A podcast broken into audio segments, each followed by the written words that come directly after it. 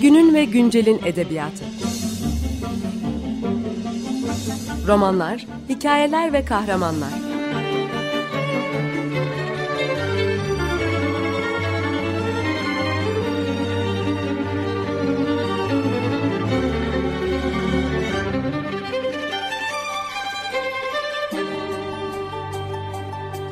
Hazırlayan ve sunan Seval Şahin.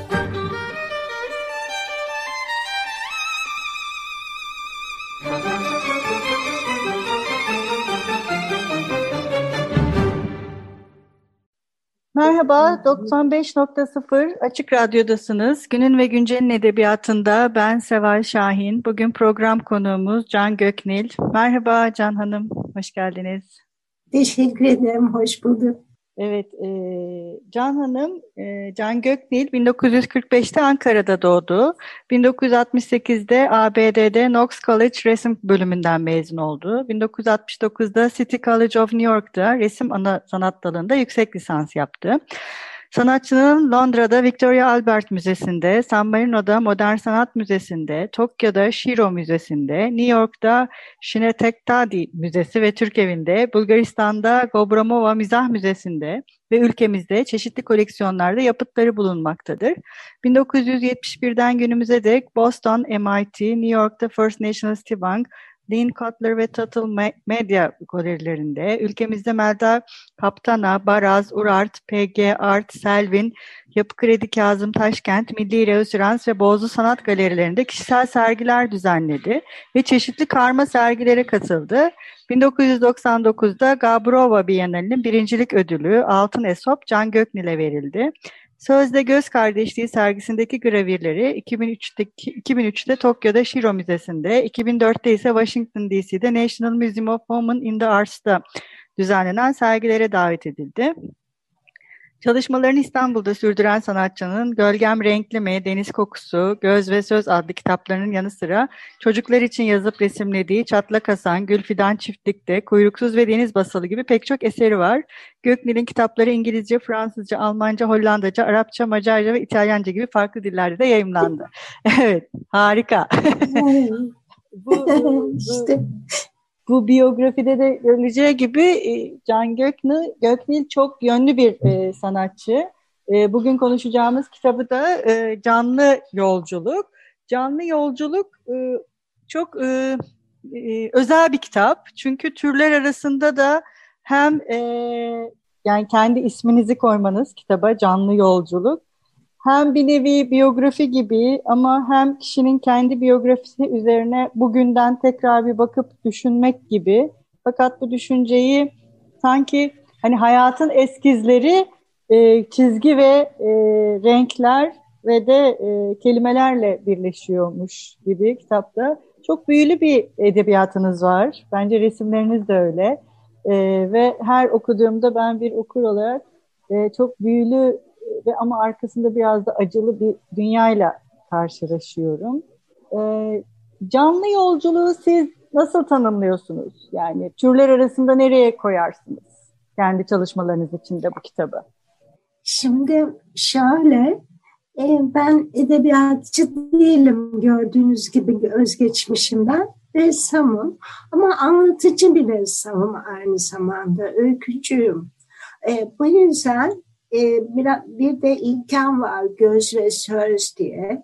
Gözümüzün gördüğü her şeyin bir de sözü vardır diye düşünüyorum. Ve o sözcüklerle de bazen kompozisyon kurmak hoşuma gidiyor. Bu edebiyat mı değil mi onu ben bilemeyeceğim. Okurlar ve edebiyatçılar bilecek. Ama anlatıcı olduğumu biliyorum.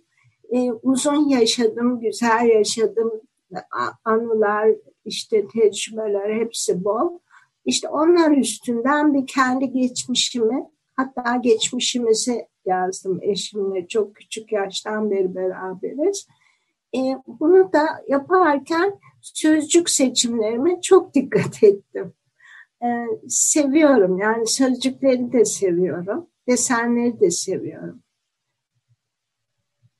Her Öykü yazmak hakkında bir iki şey söylemem gerekirse e, birazcık o resim yapmak gibi geliyor bana.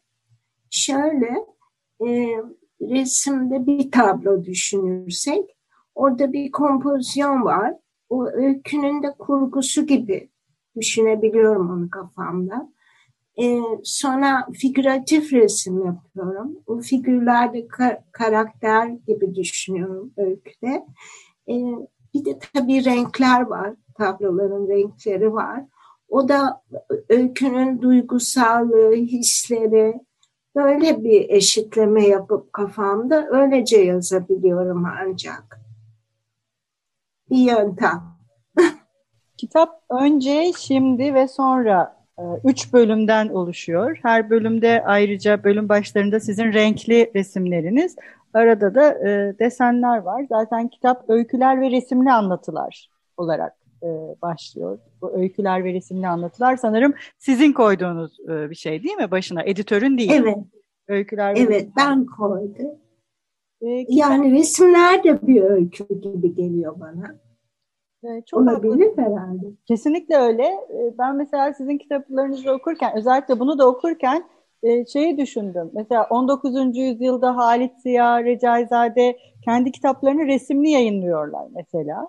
Evet. Ve hep ve hep şunu düşündüm mesela siz hem bunu yazan hem de resimleyen olarak yani hem yazıyla hem resimle anlatan olarak mesela bu kitapta e, ki resimlerin işlevi nedir? Mesela bunlar başka bir hikaye mi anlatıyor bize yoksa her hikaye içinde bulundukları kitap kitapta içinde bulundukları hikayeyle bağlantılı bir şey mi anlatıyorlar? Hikayeyle bağlantılılar en önce çocukluğumuz olduğu için öyle bir resim koydum bölüm başlığına. Sonra şimdi diyor işte biz yani orta yaşlarımızı Kaptan Miço olarak da yaşadık. Eşim Kaptan, ben Miço biraz deniz maceralarımız oldu. İkimiz de denizde büyüdük çünkü. Sonra bir de son bölüm var. E, o da yani biraz acıklı olabilecek bir bölüm.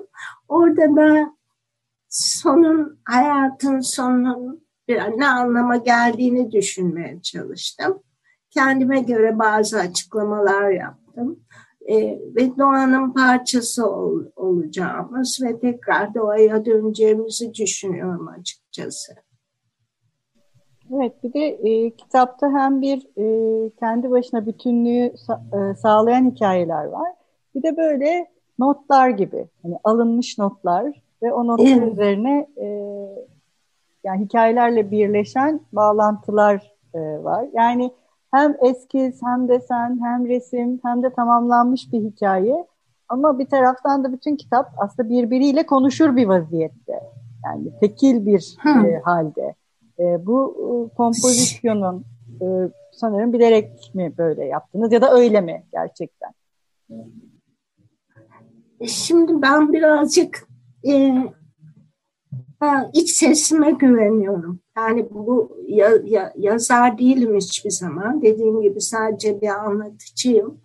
E, çocuk kitapları çok yazdım. O da resimde cümle ve konu birliği var onda da.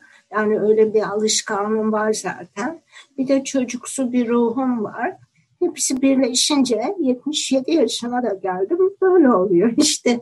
Ama hani içsel ve e, sadece doğal olarak olan bir şey. Böyle çok çok planlayarak bir işi yapmıyorum açıkçası. İçgüdüsel değil. Peki e, kitabı e, üç kısma ayırırken yani önce, şimdi ve sonra diye ayırırken bu programın başında konuştuğumuz e, bir nevi işte kendi hayatınızı anlatmak, kendi hayat hikayenizi bu şekilde anlatmak mı e, önemliydi sizin için? Önemli değildi de doğaldı.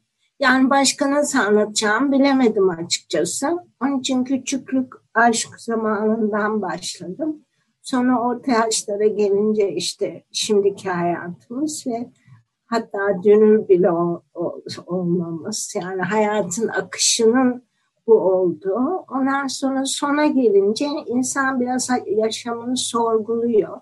Hani belki sonda değilim öyle bir niyetim isteğim de yok ama hani bir düşünüyorsun ben bu dünyada bir iz bırakabildim mi? Ve ben sanatçı olarak izimi bırakıp öyle göçmek istiyorum başka bir diyara açıkçası. Hep yani bütün edebiyat, sanat, resim, hepsi, her şey öyle, müzik. Mesela Sen A. Gürbüz var, bilirsiniz, uluslararası sanatçı. O gitti şimdi ama işaretini bırakıp gitti. Ve hepimiz biliyoruz onu. Önemli bir şey. Yaşadığın hakkını vermek lazım bence. Doğru. Çok güzel. Çok haklısınız. Evet bir ara verelim isterseniz. Bugün ne çalalım? Ne isterseniz? Ben, ben Bach çok severim. Eğer mümkünse bir hmm, cello suite, cello da çok severim. Yoyomanız varsa yakında olabilir mi? Tabii. Tabii. Sevinirim. Peki. Çalıyoruz. Ee, merhaba, 95.0 Açık Radyo'dasınız. Günün ve Güncel'in edebiyatında ben Seval Şahin. Bugün program konuğumuz Can Göknil ile birlikte Canlı Yolculuk e, kitabını konuşuyoruz. Programın ilk bölümünde e, kitabın Can Hanım'ın e, hayatının bir e, farklı kesitlerinin e, kendi doğallığında resimler ve e, kelimelerle e, anlatılması ve bunun e, hayattaki iz düşümleri ve sonrasındaki iz bırakmalarıyla bağlantısından e, bahsetmiştik. E, şimdi burada e, devam edelim. Kitabın son sonu çok etkileyici belki çok etkileyici ve son derece şiirsel. Yani ben birkaç kere okudum e, ve kitabın başı da e, şey gibi yani hani ilk aşk ve belki ile ilk aşkla başlayıp evet. belki ile e, biten bir e, kompozisyonu var. E, aslında bazı e, hikayelere baktığımızda e, şey gibi e, bir kısmı bu küçük e, ilk bölümde de konuştuğumuz böyle not alınmış gibi e, şeyler biraz böyle mensur şiir gibi yani o biraz daha o küçük olan küçük e, not halinde yazılmış e, kısımların böyle şiirsel tarafları daha e, yüksek. Sanki orada kelimeler biraz daha ritmikleşiyormuş e, gibi. E, öyle mi? Yani öyle mi düşündünüz? Yani o kısa olan şeyler daha ritmik mi? E, onları neden, eğer öyleyse neden öyle düşündünüz? Duygusal galiba. Belki o yüzden şiirsel diyorsunuz. Ama sözcüklerin yani dilin, anlatımın çok üzerinde duruyorum. Ee, okur olarak en çok öykü okumayı seviyorum. Ustam da yani herkesin bir ustası vardır. Ee, benimki de Faruk Duman. Biliyorsunuz dilinin ne kadar özel ve şiirsel olduğunu. O da bizim kendi dilimizi çok iyi tanımamızdan belki oluyor. Ben hep yabancı okullarda okudum. İşte Robert College, Amerikan Üniversiteleri vesaire. O yüzden böyle dönünce hani dilimize sarıldım adeta ve öz kültürümüzü araştırdım. Bir bir e, nasıl diyeyim bir kimlik arayışı gibi oldu. Orada dile de çok bağlandım. Yani ifade biçimlerine. Çünkü o halkın özünü veriyor. Yani mesela bilmeceleri alalım ne kadar basit ama ne kadar özgün. Tekerlemeler ne kadar şakacı. Yani bütün bu araştırmaların sonucu olarak e, dilimizi güzel kullanmaya çok gayret ediyorum. Ama oluyor olmuyor. Bilemem o kadar da kolay olmuyor. Çok güzel, çok da etkileyici. Bir de şey kitapta da var, sanırım editörün de hoşuna gitmiş, kitabın arka kapağına da almış. Bazen tek sözcük bile bir öyküdür diye. Biraz işte önce... o bölümü okumak istedim. Evet, sonunda onu sizden dinleyeceğiz. Sözcükleri seçiminde özen göstermeniz ve her kelime üzerinde düşünmeniz, bu da aslında anlatıcı olarak sizin rolünüzün e, karşı tarafa geçerken nasıl bir duygu durumuyla geçeceği üzerine düşünmeyi de beraberinde getiriyor. İşte biraz önce konuştuğumuz daha duygusal olan kitaptaki kısa evet. anlatıların şiirsel olması, her bölümdeki e, resimlerin renkli olması ama aralık aradaki resimler renkli değil mesela. Onlar şey evet. değil, renkli değil. Hep böyle renkli dünyalarla başlayıp arada bu renkli dünyaların e, renksiz ama şey hareketli çizgi, e, çizgi e, taraflarıyla da e, karşılaşıyoruz. Ara mesela yine kitaptaki e, mesela Ara ilginç bir hikaye. Evet. E, ve o çok üzücüydü. Evet. Yani hepsi yaşanmış şeyler. O ara hikayesinde biz Londra'da bir kilise konserindeydik. E, klasik bir e, oda müziği konseriydi. Ve bir, aynı anlattığım gibi oldu. Yani o öyle insanların gelip de müzikte bir huzur bulmaya çalışması. O da sanatın belki iyileştirici gücü. Onun için o öyküyü koydum. Yani sanat hakikaten resim olsun. Hele şimdi böyle bir zamanda çok apayrı psikolojik bir şey. Yani insanları bir yerden alıp bir yere taşır belki öyle umuyorum. Evet, doğru. George Giller yine e, kitaptaki en iyi, yani en etkileyici hikayelerden. Yani hem komik ama hem de şey, yani acı bir tarafı da var. Yani şey, var. O bizim halimiz. Onu Göcek'te yazdım. Ve orada, orada yaşayan İngilizler var. Tabii onların aldığı emekli maaşı orada çok para ediyor biliyorsunuz kurları. Ve yani en böyle ümitsiz hale de düşseler gülümseyerek işte pazara gidiyorlar, güneş görüyorlar. İngiltere'de yaşayacağının çok daha e, çok daha rahat belki nefes alabileceği bir hayat yaşıyor. Ama işte dediğiniz gibi hem komik hem acı geliyor insana.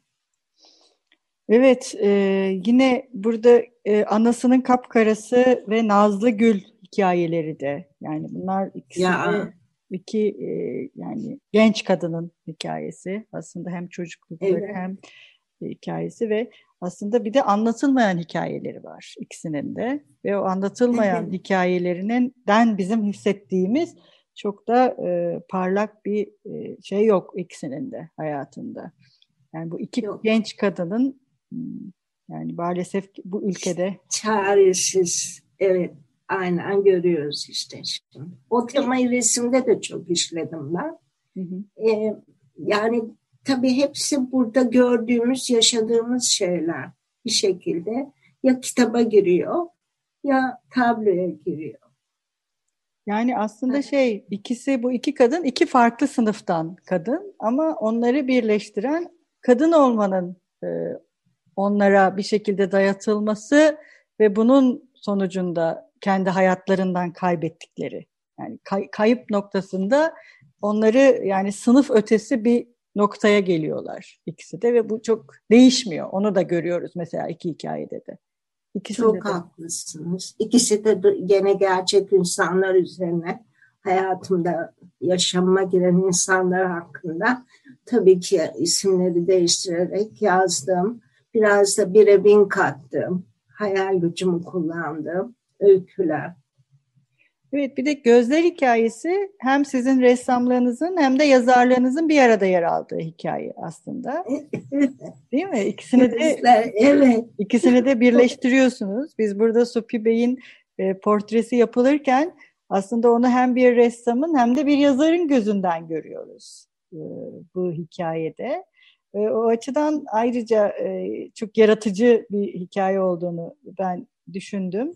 E, bu da mesela şey de çok hatırladım. E, yani nedense sizin kitabınızı okurken Servet Fünuncuları çok hatırladım.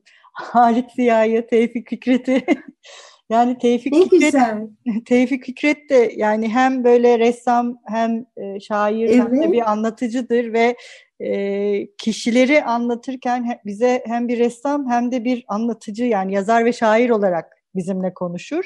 Ee, benzer bir konuşma şekli burada. Sizin de hem ressam olmanız hem de yazar olmanızın kelimeleri, renkleri ve yani hem kalemi hem fırçayı kullanabiliyor olmanın Kullan. kullanabiliyor olmanın e, getirdiği bir e, ne diyeyim ayrıcalıkla e, çok derin bir perspektif var aslında bu hikayede. Yani çok teşekkür ederim. Ben yani bunu yazarken gene gerçek insanlar o e, Supi Bey'in işte onu büyüten adam Ali Sami Boyar olarak düşündüm. O da eşimin büyük dayısı. Hani o yatakta, dört kolonlu yatakta falan o, oturup da topaç e, kesmesi, ahşaptan oyması falan. Bunlar benim küçüklüğümden beri duyduğum şeyler. Gördüğüm onun tablolarını da biliyorum Ayasofya'da müdürken. Yaptığı Ayasofya'nın her ışıkta görüntüsü, her köşesinin. Onlar aklıma geldi. Yani böyle bir e, nasıl diyeyim sebze çorbası gibi her bir şey var içinde biraz yaşanmışlıklar var biraz da hayal katıyorum. Böyle yürüdü ama çok teşekkür ederim sözlerinize. Ben gerçekten onur duydum Seval Hanım. Hayır, sağ olun. Ama kitap gerçekten hayatın ne kadar büyülü olduğunu ve e, tüm o büyülü anların da hep böyle kaydedilmesi ve unutulmaması üzerine çok büyülü bir kitap bence. E, canlı yolculuk. Çok teşekkür ederim. Çok, e, e, ellerinize e, sağlık. Ben bazı e, kısımları oğluma yüksek sesle okudum ve çok hoşuna gitti onun da. Mesela çocuk kitabı olmamasına rağmen yani bunu yazarken e, çok e, büyüleyici yanı onu da mesela düşündürdü. Ee, çok teşekkürler. Biz e, programın sonunda yazarlarımızın dinleyicilerimiz ve okurları için okuduğu bir bölümle bitiriyoruz. Siz neyle bitirmek istersiniz bugün? Bakayım ben şimdi gözümü bir takayım. Malum okuyacağım. Tamam.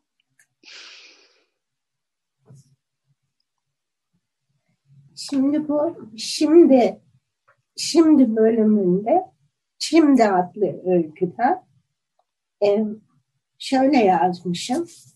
Balık avlanmak gibi bir şey öykü yazmak. Balık avlamak gibi bir şey öykü yazmak. Diyelim ki sandaldasın, açılıyorsun. Mavinin derinliğinde savur oltanı artık kime veya neye takılırsa inde olur, cinde olur. Keşke sözcük olsa öyle sözcükler var ki sana denk gelsin hele bir anda donatır kafanı. O tek sözcük eşini, dostuna, akrabasını, konuyu, komşuyu yükler kaleminin ucuna. Bir kelime bin kelime olur. Bakarsın yerleşmişler sayfalarına, kağıtları sahiplenmişler. Oh dersin, ne güzelmiş böylesi. Heves edersin öykü yazma. Bir bilgi adam vardı, ustamdı. Bana öyküyü anlatmıştı. Demişti ki bazen tek sözcük bile öyküdür. Sanat eserine uzanan ışıktır. Yeter ki o sözcüğü sezgilerinle algıla. içtenlikle yansın. O adam birazcık Sümer tanrılarını andırırdı. Yani görüntüsüyle Mezopotamya söylencilerinden çıkmış gibiydi. Sümerli ustam beni yüreklendirmişti sözcük avına çıkmıştım. Tek cümle yazayım gönülden olsun demiştim. Diyelim ki sözcük avında oltama sabahki kara tavuğun melodisi takıldı. Öyleyse kuşu ve tınısını dilimle, dudağımla bir de yüreğimle sözlendirerek öykülemeliyim. Nasıl mı? Onu içim bilecek. İçimi dinliyorum, çıt yok. Bilemediği için sesi sedası çıkmıyor.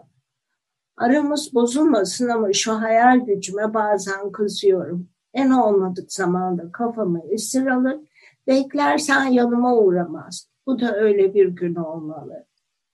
Çok güzel, Bu çok teşekkür ederiz. Şey. Çok teşekkür ederiz teşekkür canım. Ederim. Sağ olun.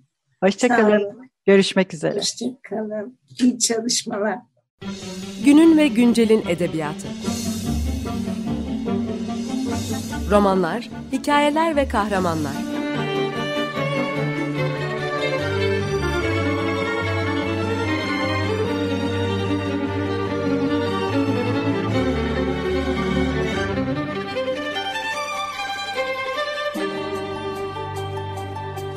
Hazırlayan ve sunan Seval Şahin